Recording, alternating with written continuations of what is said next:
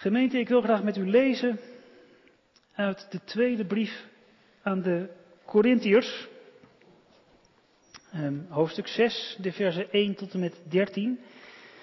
Um, als je uh, gaat lezen in de tweede brief aan de Corinthiërs, dan ben je sowieso aan het lezen in de derde brief aan de Corinthiërs. Um, de eerste brief uh, waar het in de eerste Korinthebrief over gaat, die is verloren gegaan, die hebben we niet. Dan komt dus wat wij de eerste brief noemen en daarna dus dan de tweede Korinthebrief. Daaraan merk je hoezeer de apostel Paulus betrokken was bij die gemeente van Korinthe. Dat is ook niet zo vreemd, want die gemeente was ontstaan op zijn verkondiging. Hij was daar gekomen in Korinthe en uh, was begonnen te preken en daar was een gemeente uh, gegroeid. Uh, hij wist zich daar dus zeer nauw bij betrokken en tegelijkertijd ontstaan er in dat contact met die gemeente in de loop van de tijd ook allerlei uh, nou, vragen, uh, spanningen, problemen. En de tweede Korinthebrief met name merk je dat aan.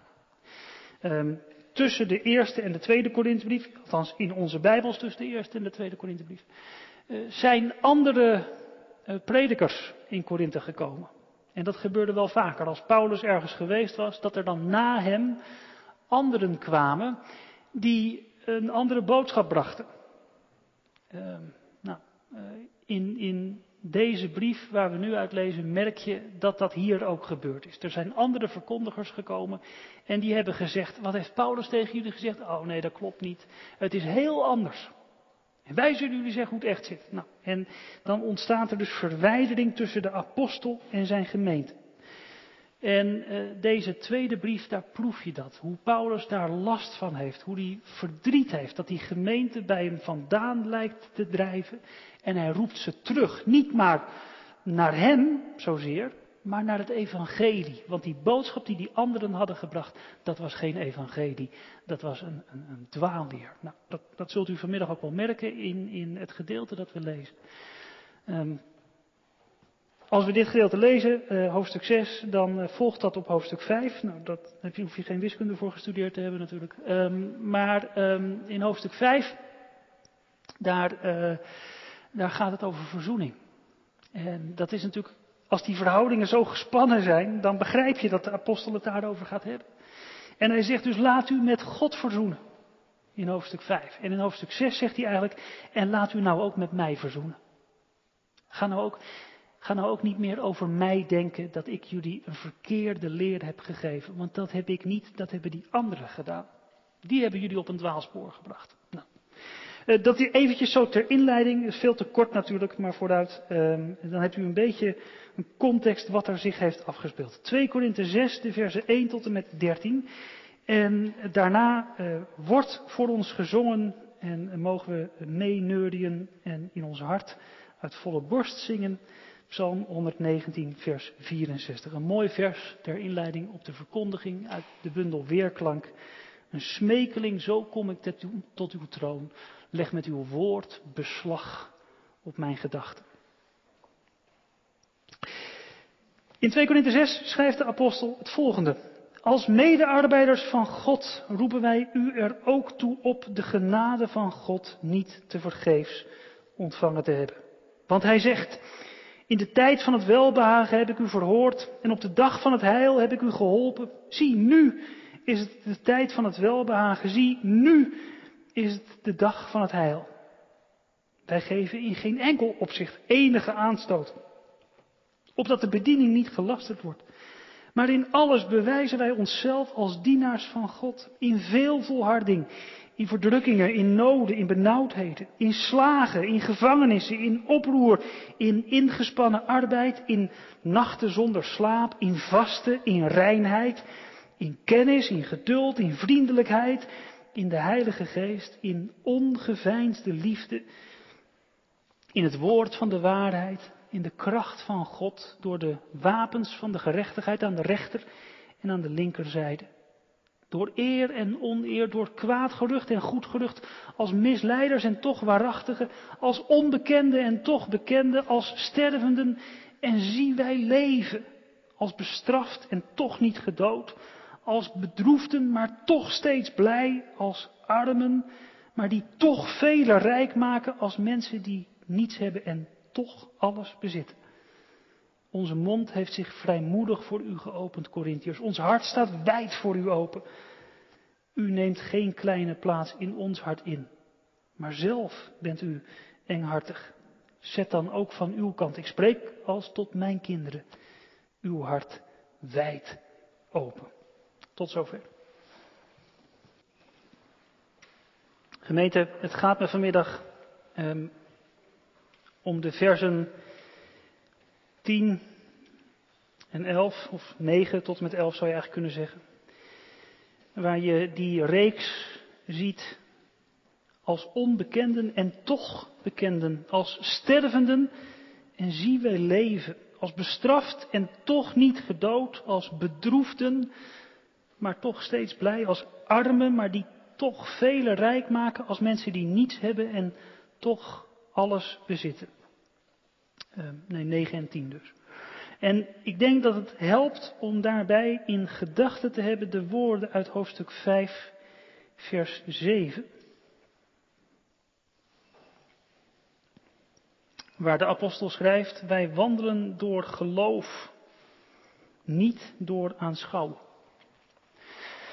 En na de verkondiging mogen we zingen. En niet alleen met ons hart, maar ook met onze mond. En dat is een vreugde.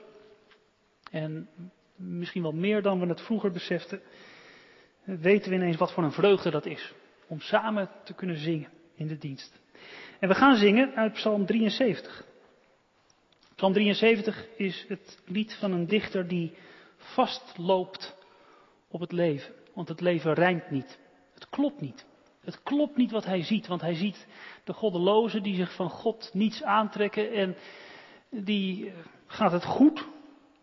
Eh, alles gaat voor de wind, uh, gaat allemaal vanzelf. En de dichter zelf spant zich in om met het woord van God te leven, om met de belofte van de Heere God te leven. En nou, dat gaat niet vanzelf. Dat is moeite en zorg en verdriet.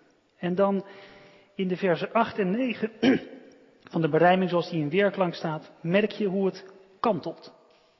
En hoe die dichter dan ontdekt, ja maar wacht eventjes. Uh, God is de God van de belofte.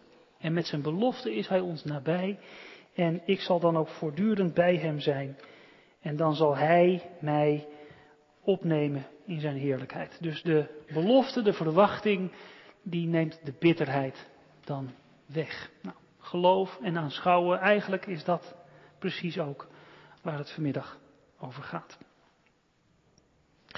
Gemeente van onze Heer Jezus Christus, wij leven in geloof en niet in aanschouwen. Die woorden uit hoofdstuk 5, vers 7. Ik heb ze net gelezen als een soort opschrift boven hoofdstuk 6 in deze brief. Maar misschien kun je ze zelfs wel als opschrift boven die hele tweede Korinthebrief neerschrijven. Wij wandelen in geloof en niet in aanschouwen. Wij wandelen in geloof. Dat betekent dus, we hebben die belofte gehoord van het evangelie. De belofte van Jezus Christus die leeft en regeert en die komen zal. En daar leven we mee, maar we zien soms iets heel anders. Misschien zelfs wel het tegenovergestelde. Zoals in die reeks die Paulus noemt in die versen 9 en 10.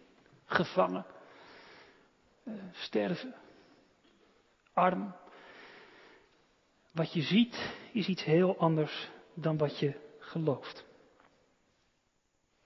Ja, en als je dat zo zegt en als je het zo bij die versen van, van hoofdstuk 6 neerlegt, dan denk ik dat je daarmee bij een punt bent waar wij vandaag ook eigenlijk wel onze vragen over hebben. Hè? Hoe zit het nou met geloof en, en wat je ervan ziet en wat God je te zien geeft?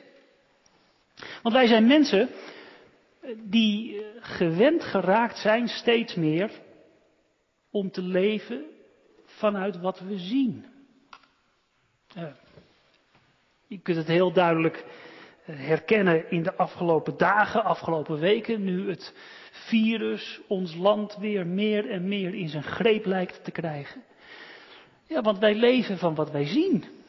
En wij zien eigenlijk dat die getallen lange tijd laag geweest zijn en, en dat we allerlei dingen wel weer konden gaan doen en dat we wel weer uh, met de trein naar Zandvoort konden en dat we ook wel prima met z'n allen weer in de winkels konden gaan lopen en niet meer zo krampachtig die karretjes moesten schoonmaken.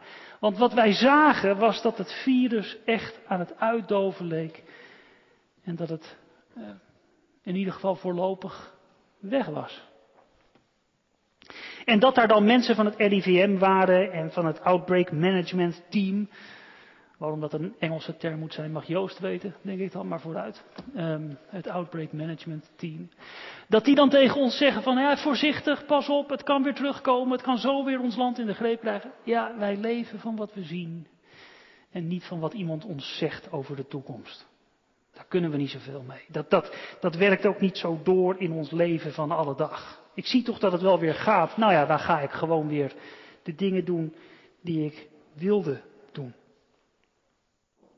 Wij zijn mensen die meer onder de indruk zijn van wat we zien dan van wat iemand ons belooft.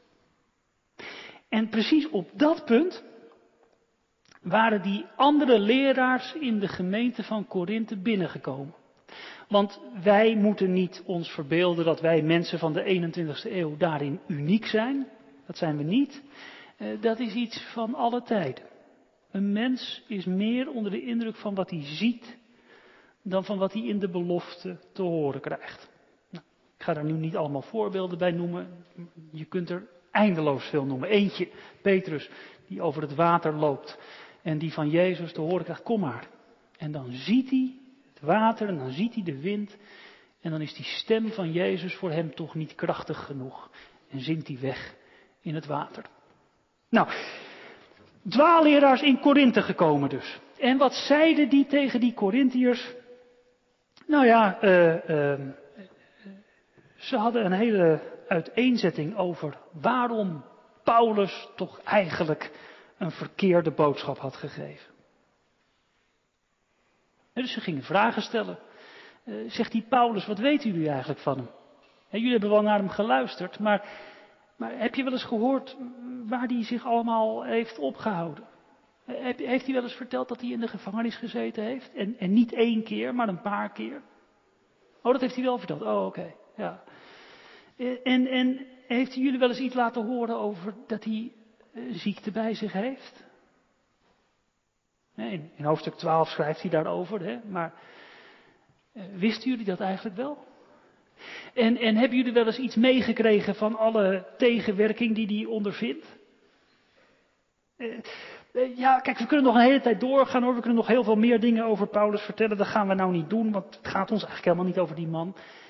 Maar wees nou eens eerlijk. Um, een gezondene van God van de God die de hemel en de aarde geschapen heeft. In de gevangenis. Beetje zwak. Geen krachtige performance.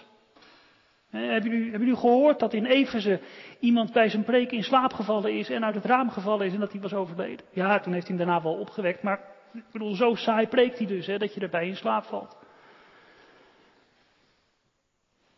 Dat kan toch niet van God komen, mensen? Dat kan toch niet? De, de, die machtige God. Moet je naar ons kijken. wij, wij hebben een andere boodschap. Wij, uh, uh, uh, als je het Oude Testament gaat lezen over Mozes, die daar op de berg is bij God, en dan komt hij beneden en dan straalt hij. Zo zelfs dat hij zijn gezicht moet bedekken, omdat anders de mensen om hem heen hun blik moesten afwenden. Maar dat kun jij ook. Als jij trouw met die woorden van God bezig bent, als jij je inzet en, en, en je echt er iets van maakt, nou dan, dan ga je dat zien.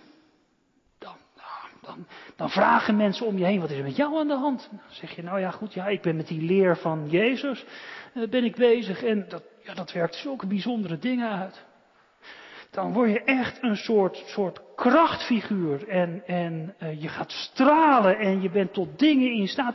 En je kunt over diepe ervaringen vertellen die je allemaal hebt. Nou, ongelooflijk. Nee, echt waar, jullie hier in Korinthe, jullie doen er goed aan om die hele Paulus maar zo snel mogelijk te vergeten. En te luisteren naar wat wij jullie uh, te vertellen hebben.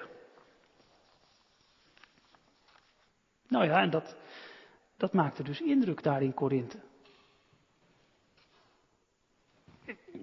Dat is ook niet zo vreemd natuurlijk.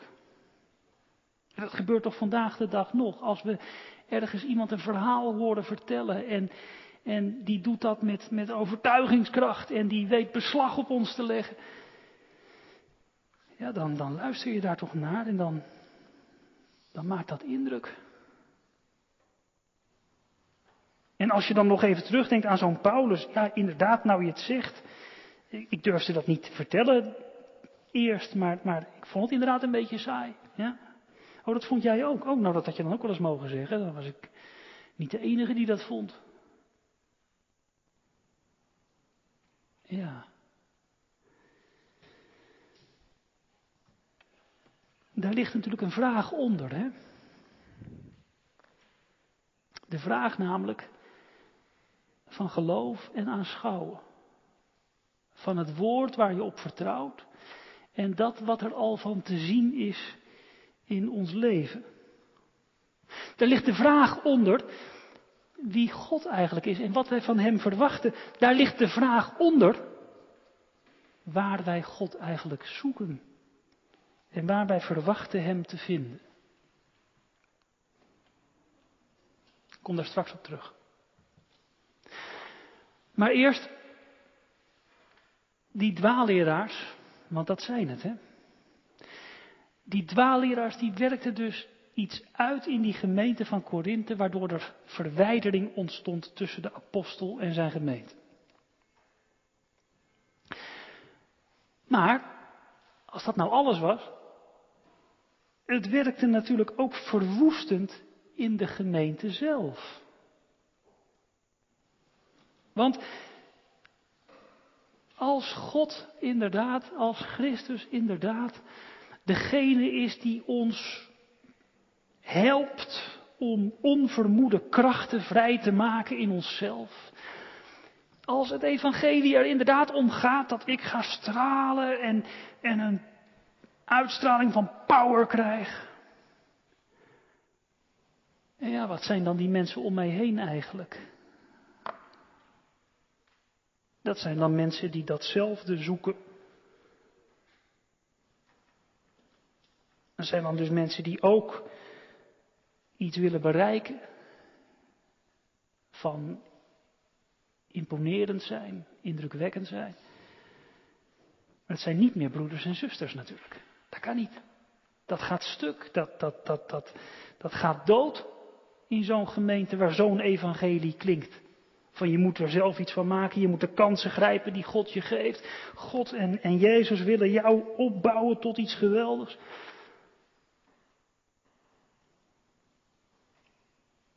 Het is een evangelie voor mensen met mogelijkheden.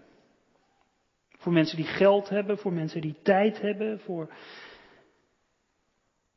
mensen die niemand nodig hebben of denken te hebben. Maar de havenarbeiders van Korinthe, die lange dagen moesten maken daar in die havens, die konden natuurlijk niks met zo'n evangelie. Die bleven ook maar weg dan uit de kerk, want wat moest je er nog? En laten we eerlijk zijn, in de puinhopen van Beirut gaan we toch ook niet met een dergelijk verhaal komen. Hè? Nou, mensen, als jullie willen, dan kun je echt geweldige krachten bij jezelf vrijmaken. En dan ga je stralen. En jongen, jongen, wat er dan allemaal met je gebeurt. Nee, hebben die mensen niet zoveel behoefte aan, denk ik. Wat die mensen nodig hebben en wat jij nodig hebt en wat ik nodig heb, is een evangelie van echte troost. Van iemand die ons kent en niet iemand die de zweep erover legt en zegt, als jij wilt, dan kun je. Maar iemand die zegt, ik weet wie jij bent. Ik weet dat je klein bent, zwak, schuldig, broos. En dat je God nodig hebt. Ja. Ondertussen, Paulus schrijft deze brief aan een kerk.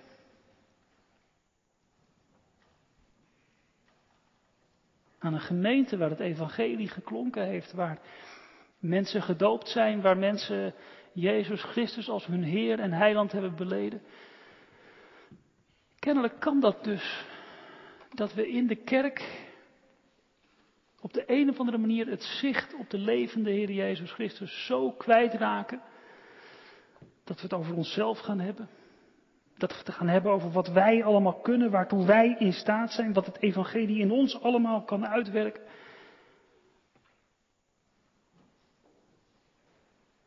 En dat brengt me dus bij de vraag aan mezelf. En die stel ik dan ook maar aan jou en aan u. En wat zoek ik eigenlijk in het evangelie? Wat is eigenlijk mijn gebed? Wat heb ik nodig van de Heere God?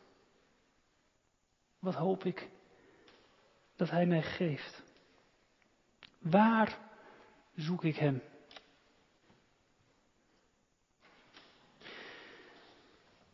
Ja, waar zoeken wij Hem?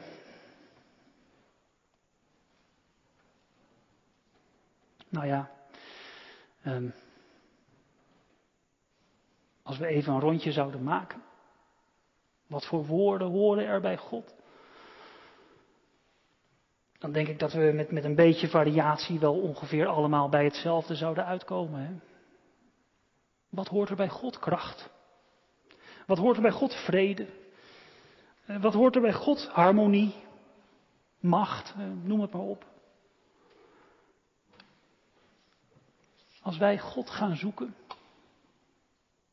dan bellen we aan bij het paleis. En dan zeggen we, ja, we hebben gehoord dat er een bijzonder kind geboren moet zijn. Nou, dat kan natuurlijk alleen maar hier, hè? Dat, dat zal toch niet ergens anders zijn?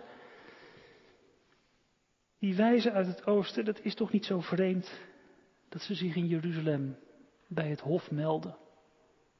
Want ja, als nou die grote God, schepper van hemel en aarde, als die iets doet in deze wereld, dan doet hij dat toch op die plekken waar het mooi is, waar het zonnig is, waar harmonie is en noem het maar op.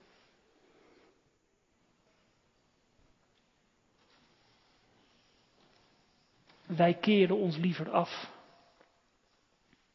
van de nood en de lelijkheid van deze wereld. Wij gaan liever weg van de plaatsen waar pijn is en verdriet en schuld en eenzaamheid. Ik hoor het vaak. Mensen in wier leven moeite is. Dat ze zeggen, ja, er komen eigenlijk steeds minder mensen hier. Het wordt stil. Wij maken ons los van mensen die een potje van hun leven maken. En meisjes die tippelend zich in leven houden. De zwervers. We lopen er liever even omheen. Want wij zijn betoverd door schoonheid, door harmonie, door wat mooi is. En we denken nou, als je God ergens vindt in deze wereld, dan toch daar.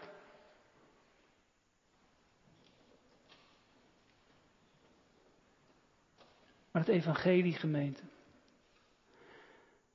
vertelt ons dat Jezus zich nou bij uitstek daar ophoudt. Waar deze wereld stinkt en lelijk is en ettert en waar schuld is. Waar mensen zijn die er een zootje van gemaakt hebben. Waar mensen zijn die het met de huwelijkse trouw niet zo ernstig nemen. Die vrouw in Johannes 4. Uh, ga uw mannes halen. Ja, ik ben niet getrouwd. Nee, dat weet ik, zegt Jezus. Bent met vier mannen geweest en de man die u nu hebt is uw man niet. En als de leerlingen dan komen, dan zegt ze meester, wat doet u nou bij zo'n vrouw?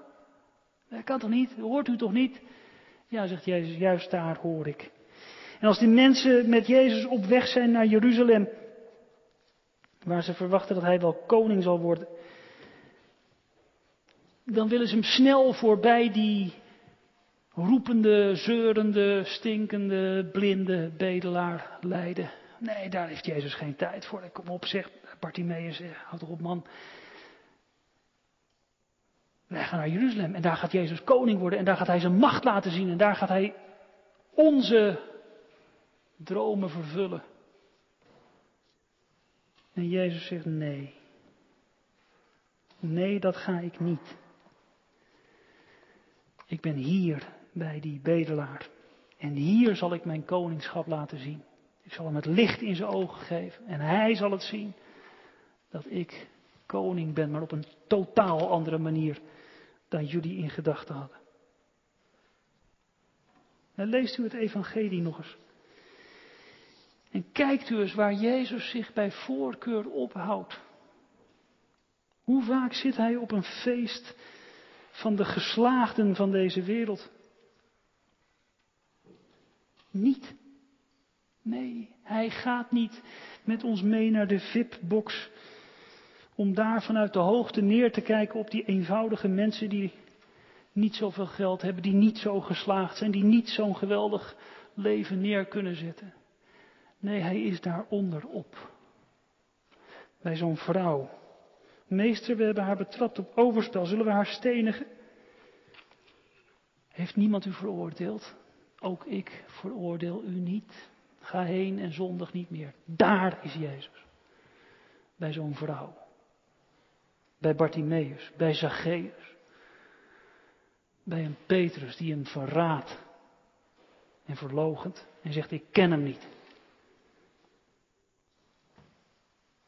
Als God onze wereld binnenkomt, komt Hij niet aan de kant waar wij onszelf opgepoetst hebben en waar we veren in ons haar hebben en bloemen en er gezellig uitzien. Maar dan hangt Hij tussen twee misdadigers en sterft en geeft zijn leven. En boven dat leven schrijft de hemel dan die twee woordjes. Maar toch. Want op de morgen van Pasen gaat dat graf open. En laat de Vader zien, ja, Hij is mijn geliefde zoon. En Hij leeft en Hij regeert. En Hij zal zijn oordeel spreken over deze wereld. Maar toch, als je naar Hem kijkt, Zoals de profeet het zegt in Jezaja 53, dan wend je je af. Hij had geen gedaante of heerlijkheid. Wie Jezus voorbij zag lopen, dacht niet van nou, dat is imponerend en indrukwekkend en daar moet ik bij zijn. Die zag een stoet sloebers, zwervers, losers, mislukkelingen en Jezus in hun midden. En toch, en toch levend en toch rijk en toch levend uit de belofte. Nou, zegt Paulus, als je daar nou naar kijkt, hè, naar dat evangelie, hadden die dwaallerers het daarover met jullie eigenlijk? Lazen ze dat met jullie? Hadden ze het over Bartimaeus? Hadden ze het over die vrouw van Johannes 4 en die vrouw van Johannes 8? Hadden ze het over Petrus? Of waren ze zo vol van zichzelf dat ze daar maar niet meer over spraken? Maar kijk nou eens, kijk nou eens even het evangelie. Als je zo die dingen ziet. Kijk dan nog eens naar mij. Ja, inderdaad, ik zit gevangen. Ja, zeker. Ja, ik heb een ziekte die ik in me meedraag. Inderdaad. Ja, ik word vervolgd, dat klopt. Zeker, ik word bespot. Maar als mijn meester in deze wereld Jezus Christus, zich daar niet van heeft losgemaakt, maar juist daar is gebleven en juist daar door God zijn evangelie heeft mogen brengen en is opgewekt, dan zal ik van die plek toch niet weglopen, maar daar ook blijven. In deze zwakheid van mij komt Gods kracht openbaar.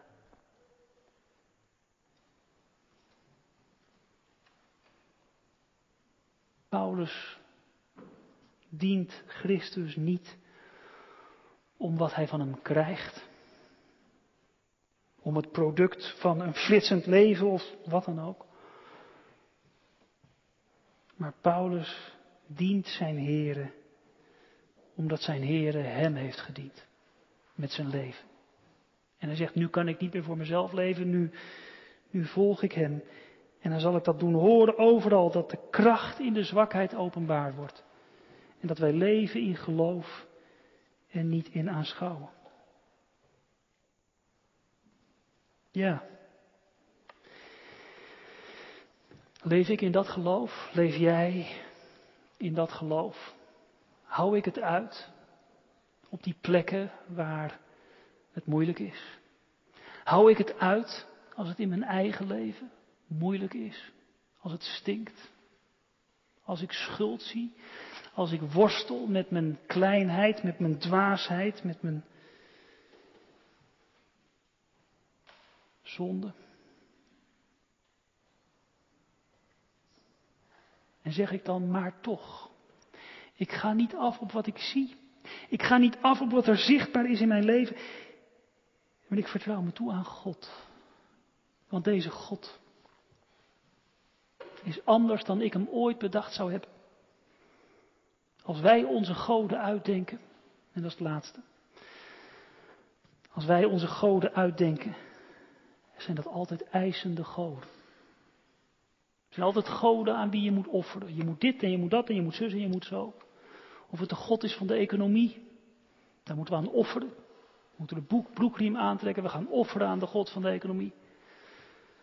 Of de God van je uiterlijk, wat offeren we daar niet aan? De God van onze carrière. Een eisende God is dat, hè? Ja, je moet natuurlijk wel je werk in de kerk opzeggen, hè, als je hier binnen het bedrijf wilt groeien. Dat snap je wel. Als wij onze goden uitdenken, zijn het altijd eisende goden. En we kunnen ons daarom niet anders voorstellen dan dat de God en Vader van onze Heer Jezus Christus ook een God is die zegt, nou laat eerst maar eens wat zien. Kom jij eerst maar eens. Maak maar duidelijk wat jij levert. Maar gemeente, het evangelie is nou juist.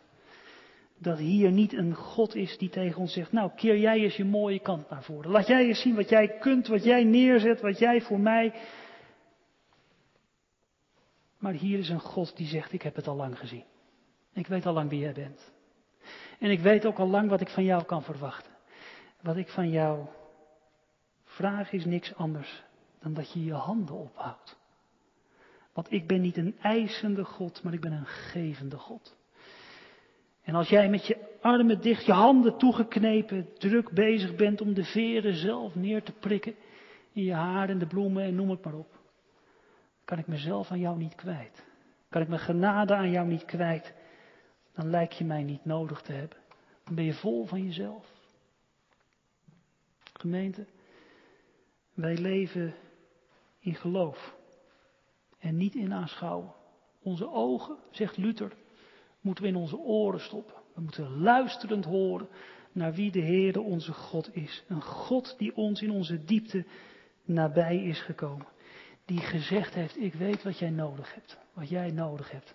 Dat is mijn zoon die sterft in jouw plaats om zo voor jou de weg naar het leven vrij te maken. Erken dat nou.